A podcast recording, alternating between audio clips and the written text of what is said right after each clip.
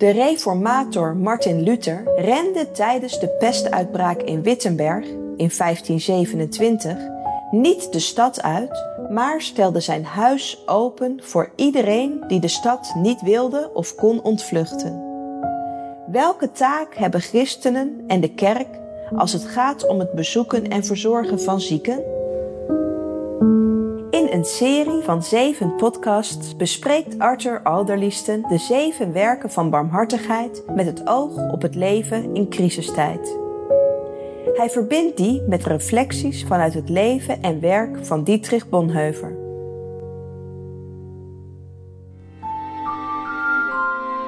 Dit is een productie van weetwatjegelooft.nl. In deze podcast, aflevering 6, ziekenbezoeken.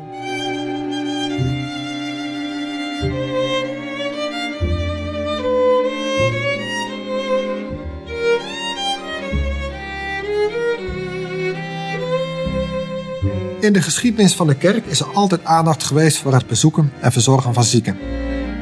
Zoals de reformator Martin Luther, die tijdens de pestuitbraak in Wittenberg in 1527 niet de stad uitrende, maar zijn huis openstelde voor iedereen die de stad niet wilde of kon ontvluchten. Of neem de Orde der Clarissen, die in 1873 het middeleeuwse kasteel Amassoyen verbouwde tot een klooster, de gracht dempte en een enorme kapel tegen het kasteel aanbouwde. Binnen de dikke muren leefden de zusters aanvankelijk hun leven alsof er geen buitenwereld was. Tot aan de Tweede Wereldoorlog. Toen realiseerden zij zich dat zij de buitenwereld niet langer konden negeren en ze zwaaiden de kasteelpoort open. Zieken, hongerigen en mensen zonder onderdak vonden nu beschutting en zorg bij de zusters. Oude mensen konden er vredig sterven en baby's geboren worden, totdat de Duitse bezetter hen het kasteel uitjoeg. De kerk als hospitaal. Wat een mooie typering. In het Oude Testament gaat het opmerkelijk weinig over het bezoeken en genezen van zieken. Ziekte wordt wel dikwijls in verband gebracht met zonde.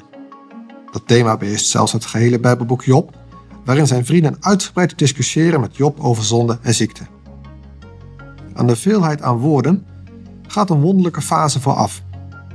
Wanneer de drie vrienden horen van Jobs ellende, komen ze direct naar hem toe. En dan zijn ze 7 keer 24 uur stil. Ze zwijgen. Het is niet zomaar de afwezigheid van woorden, maar een actief medelijden. Stanley Hauerwas noemt het leidende aanwezigheid. Ik spreek nog liever over medelijdende aanwezigheid. Jobs vrienden tonen hier een krachtige bediening van zwijgend medeleven. Bonhoeffer noemt het een eerste blijk van troost van het bevriende drietal. Ze zijn immers gekomen met het doel hun vriend te troosten. Het Nieuwe Testament vervolgt op een andere toonhoogte. Niet langer is het zwijgen de ultieme inhoud en vorm van ziekenbezoek. Wanneer Jezus Christus de zieke bezoekt, gaat hij spreken en handelen. Hij troost, geeft hoop, geneest en heelt. Hoe troostvol is het eigenlijk dat Jobs vrienden 7 keer 24 uur zwijgen? Kun je je afvragen met Calvijn. Gods zoon brengt meer dan medelijdende aanwezigheid. Jezus bezoekt de zieken, maar laat ze niet achter als zieken. Hij laat op aarde een spoor na van genezen mensen. Het is een teken van de doorbraak van Gods rijk. Christus brengt genezing, maar ook heelheid. De genezen mensen horen er weer bij. In Leviticus 13 lezen we dat de priester bepaalde of hij vanwege ziekte onrein was. Als dit het geval was, hoorde je er per direct niet meer bij. Je plaats was aan de rand van de samenleving. Om je omgeving duidelijk te maken dat je een besmettelijke ziekte had, moest je je kleren scheuren, geen hoofdbedekking dragen, je haren los laten hangen en een verhullende baard laten groeien. Bovendien moest je mensen die je tegenkwam waarschuwen met een ratel. Zo konden ze met een boog om je heen lopen. Wat een eenzaamheid, die verder gaat dan onze social distancing. Die geldt namelijk voor ons allemaal. De onreinen werden destijds letterlijk en figuurlijk verstoten van de samenleving. Maar wat een vreugde wanneer niet alleen de ziekte verdween, maar ook de eenzaamheid werd doorbroken. Je hoorde er weer bij.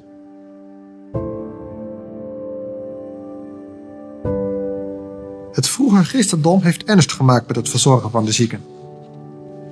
Daardoor vielen christenen op in een heidense omgeving. Kijk eens hoe zij elkaar lief hebben. De kerkleiders riepen de gemeente steeds weer op tot het verzorgen van de zieken en het kreeg een vaste plaats in het gemeenschappelijk gebed. Je zou met Adolf van Harnack kunnen zeggen dat de kerk in de oudheid een solide instituut van de zieken- en armenzorg heeft gevormd. Zorg die over verschillende generaties heen effectief bleek te zijn. Eeuwen achtereen heeft de kerk zich nadien geprofileerd als hospitaal.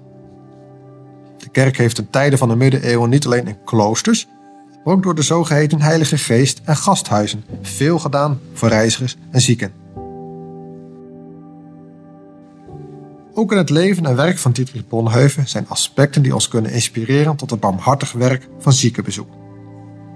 In 1936 geeft Bonhoeffer zijn studenten aan het predikantenseminarie in Vinkenwalde een cursus zielzorg. In het onderdeel over zorg aan zieken en stervenden geeft hij de toekomstige predikanten onder meer de volgende drie adviezen. Bezoek de zieken met regelmaat en kondig je bezoek aan zodat de zieke zich kan voorbereiden. Regelmatig ziekenbezoek is ook goed voor jezelf. Ziekte is in deze wereld iets abnormaals. Het gaat niet samen met gezondheid.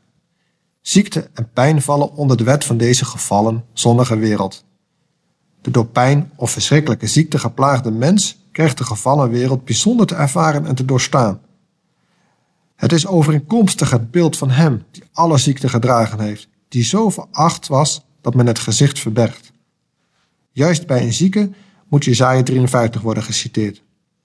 Onder de zieken zijn wij het kruislijden van Jezus meer nabij dan onder de gezonde mensen.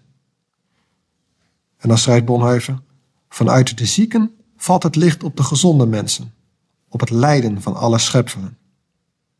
En het derde advies dat hij zijn studenten geeft, de zieke vraagt slechts om één ding, genezing. De zieke vraagt altijd naar heling door Christus, of hij het weet of niet. Gods woord en gebed horen daarom aan het ziekbed. De praktijk ontbreekt in Bonhoeffers leven niet.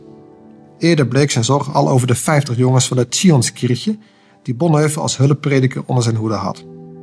In diezelfde tijd doseerde hij aan de Friedrich Wilhelms Universiteit van Berlijn. Een keer kwam hij te laat op college. Hij verklaarde: Een van mijn jongens ligt op sterven en ik wilde nog een keer met hem praten. De jongen bezocht hij twee tot drie keer per week. Later, in de gevangenis, was hij dikwijls te vinden in de ziekenkamer waar hij zijn zieke medegevangenen hielp.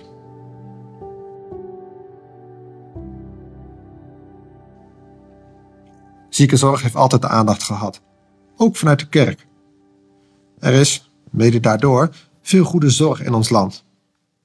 Door toenemend individualisme, zelfverrijking en onverschilligheid enerzijds en efficiëntie en kostenbesparing anderzijds, worden de zorgen om zorgbehoevenden echter niet minder.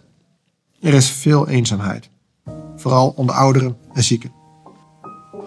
En het is juist aan de kerk om deze mensen, die zich onbedoeld aan het oog van de samenleving en de professionele zorg onttrekken, te vinden en er voor hen te zijn.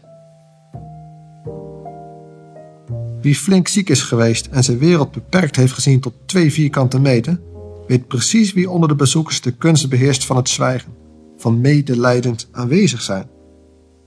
Het is prachtig als als christenen woord en gebed gereed hebben voor een geopend hart in het ziekbed.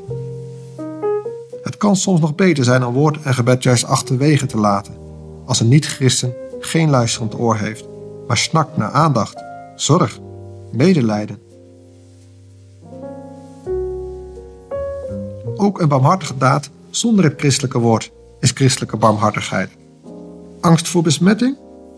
Indrukwekkend is het recente verhaal van de gebeurtenis in het Spaanse Estella. Vijftien medewerkers besloten eind maart zich vrijwillig op te laten sluiten in het verpleeghuis waar ze werkten, met de daar wonende 62 ouderen. Iedereen bleef dag en nacht binnen. Zo hoopte men het coronavirus buiten de deur te houden. Over medelijdende aanwezigheid gesproken.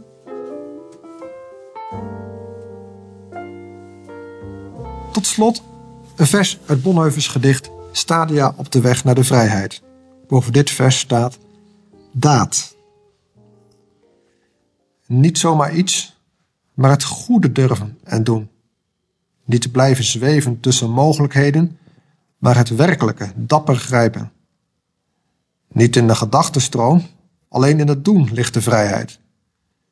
Treed uit angstig aarzelen de storm van het gebeuren in. Slechts gedragen door Gods gebod en geloof zal jouw geest de vrijheid juichend ontvangen.